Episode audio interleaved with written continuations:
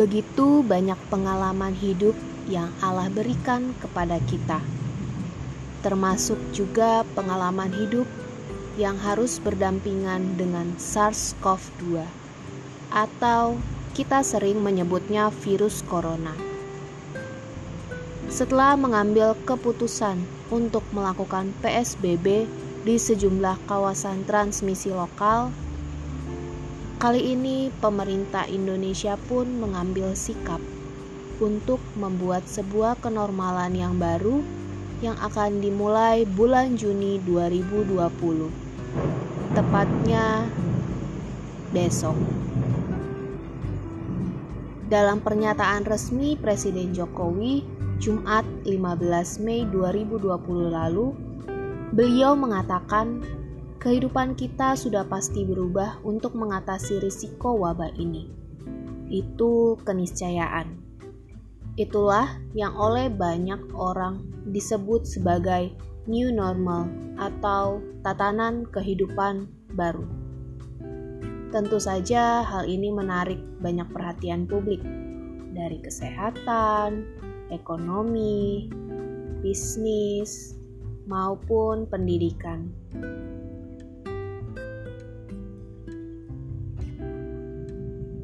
Tetapi ada hal yang terasa biasa nggak sih kita dengar sebagai seorang Kristen? Yaitu kehidupan baru. Saat ini banyak sekali konspirasi yang terjadi dan nggak sedikit juga yang mulai bingung harus percaya kepada siapa sih? Ya, karena memang tidak ada hal yang pasti di dunia ini untuk bisa memberikan kepastian dan kebenaran pada kita secara nyata. Namun, berbeda halnya dengan kehidupan baru dalam Kristus.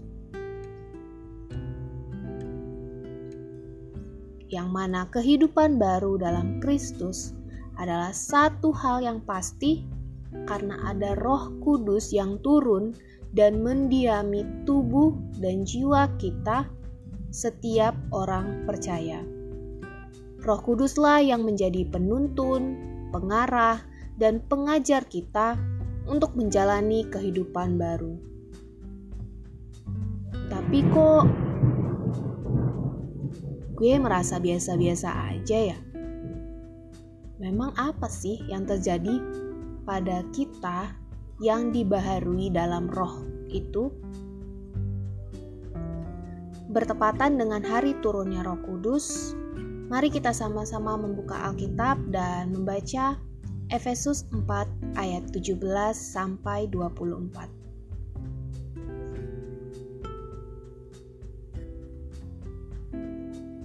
Efesus 4 ayat 17 sampai 24 Sebab itu kukatakan dan kutegaskan ini kepadamu di dalam Tuhan. Jangan hidup lagi sama seperti orang-orang yang tidak mengenal Allah dengan pikirannya yang sia-sia dan pengertiannya yang gelap. Jauh dari hidup persekutuan dengan Allah karena kebodohan yang ada di dalam mereka dan karena kedegilan hati mereka. Perasaan mereka telah tumpul sehingga mereka menyerahkan diri kepada hawa nafsu dan mengerjakan dengan serakah segala macam kecemaran. Tetapi kamu bukan demikian.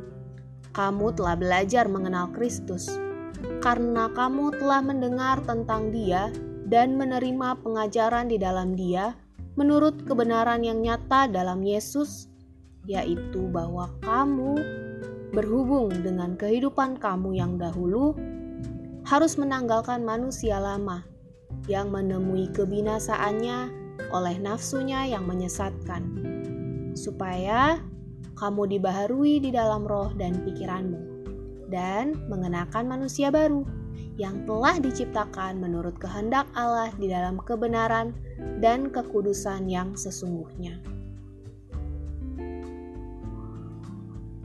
Dari bacaan ini, kita bisa lihat apa yang terjadi pada kita yang dibaharui di dalam roh. Pertama, kita yang tadinya tidak mengenal Allah menjadi belajar mengenal Kristus. Yang tadinya pikirannya sia-sia dan pengertiannya gelap, serta jauh dari hidup persekutuan dengan Allah, menerima pengajaran di dalam Dia menurut kebenaran yang nyata dalam Yesus. Kemudian, yang kedua, yang sebelumnya kita adalah manusia lama menjadi manusia baru. Tadinya kita hidup dalam hawa nafsu yang menyesatkan, tetapi kita menjadi ciptaan yang baru menurut kehendak Allah di dalam kebenaran dan kekudusan sesungguhnya.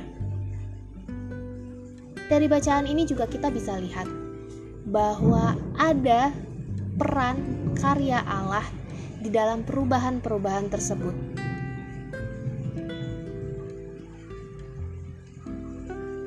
Seseorang yang tadinya tidak mengenal Allah menjadi belajar mengenal Kristus setelah orang tersebut mendengar tentang Dia. Kemudian, seseorang yang sebelumnya adalah manusia lama menjadi manusia baru itu ketika dibaharui dalam roh dan pikirannya. Kedua hal ini membuktikan bahwa ada peran dan ada karya Allah yang menuntun kita untuk berubah, yaitu Roh Kudus. Manusia baru bukanlah berarti kita berubah secara fisik, gaya hidup, atau juga materi. Manusia baru adalah manusia yang kembali menurut kehendak Allah. Manusia menurut gambar dan rupa Allah, supaya berkuasa atas ikan-ikan di laut dan burung-burung di udara dan atas ternak dan atas seluruh bumi dan atas segala binatang melata yang merayap di bumi. Kejadian 1 ayat 26. Lalu sekarang mari kita tilik hati kita masing-masing. Apakah diri kita masih tidak mengenal Allah, tidak mau belajar mengenal Kristus, dan mengenakan manusia lama dengan hawa nafsu yang menyesatkan dan kecemaran?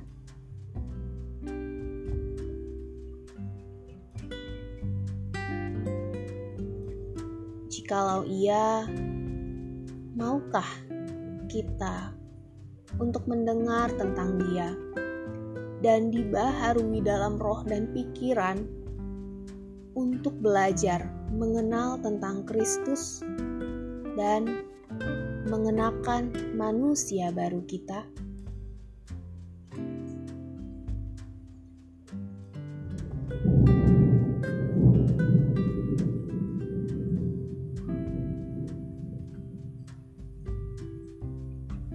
Teman-teman dipersilakan untuk mengambil waktu untuk berdoa kepada Allah dan nyatakan dengan sungguh-sungguh bagaimana perasaan teman-teman dan komitmen teman-teman dalam menjadi manusia baru.